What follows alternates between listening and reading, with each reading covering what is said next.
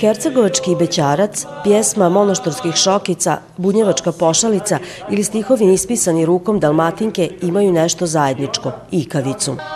Govor je to koji koriste mnoge hrvatske subetničke skupine, a jednom godišnje sve to čuje se na večeri Ikavice u Stanišiću. Uz rič i pismu čuli su se i tradicijski instrumenti. Ima bećarac i u Hercegovini, i u Slavoniji, i u Lici, i u Gorskom Kotaru i u, i u Ravnim Kotarima. Taj je najsličniji nama. Pa večeras smo pripremili jedan dio mali sa guslama, jedan šaljivi dio. Ganga, naravno, to je himna Hercegovine i još jedan mali bećarac, gostoprimstvo i to je to. Ljubaznost, srdačnost, profesionalnost. Pa predstavit ćemo se sa našim tradicionalnim glazbalom dvojnice, čurlika i usna harmonika cintara što je prihvaćeno u našem kraju i najstarije glazbalo imamo, to je kod pastira još kako je nastalo čurlika. Kao i prošle godine i ove godine, gost večeri Ikavice bila je udruga Solinjani i Solina. Večeras se predstavljamo sa našim delicijama.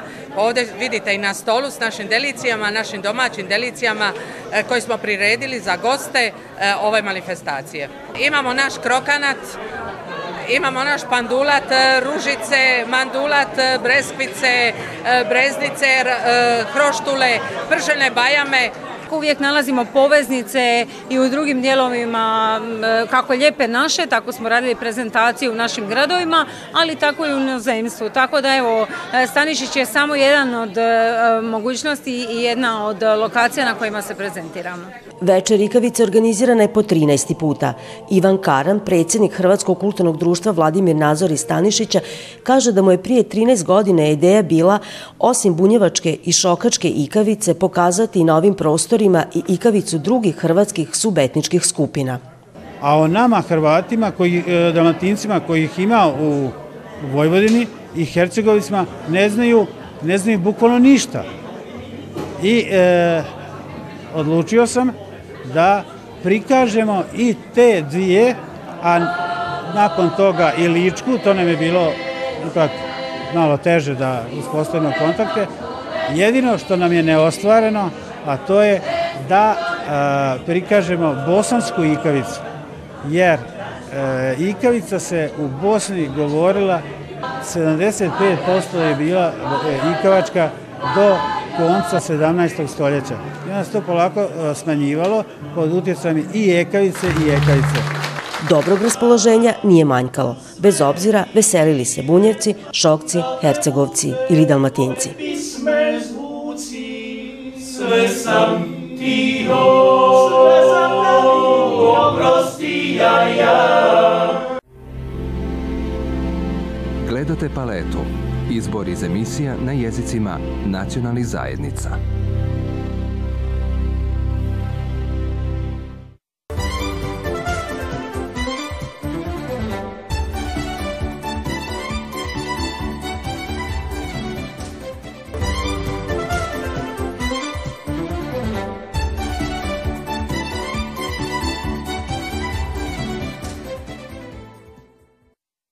O kulturnim identitetima, tradiciji, baštini i njezinoj zaštiti bilo je riječi na predavanju koje je organizirano zahvaljujući suradnji Hrvatske čitaonice Fišer i Surčina i Etnografskog muzeja iz Zagreba.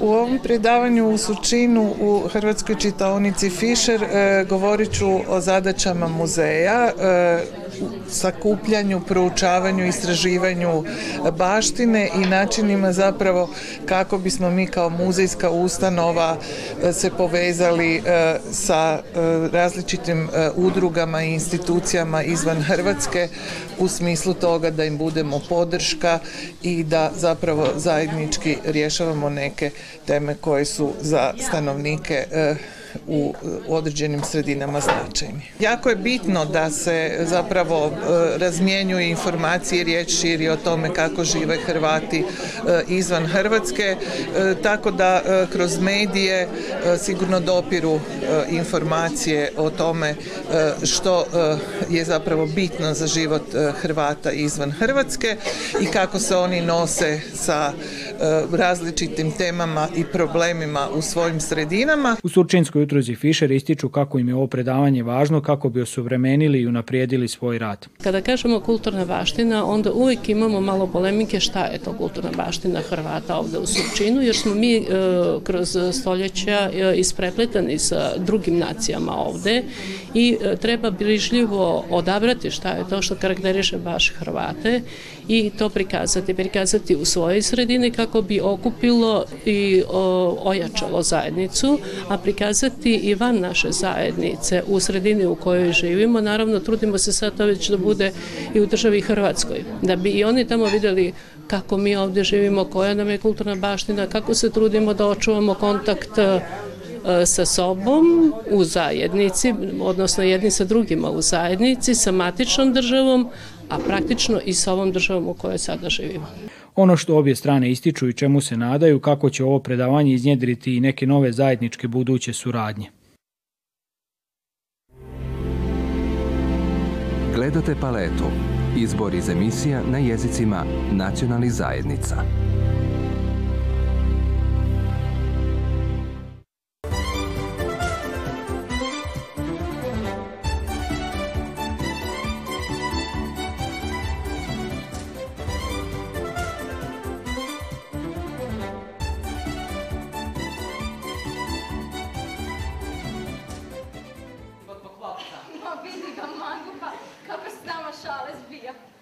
Legenda o vjetropirki dječja je priča koja poučava koliko su ljudska dobrota, poštenje i štovanje prirode vredniji od materijalnog bogatstva.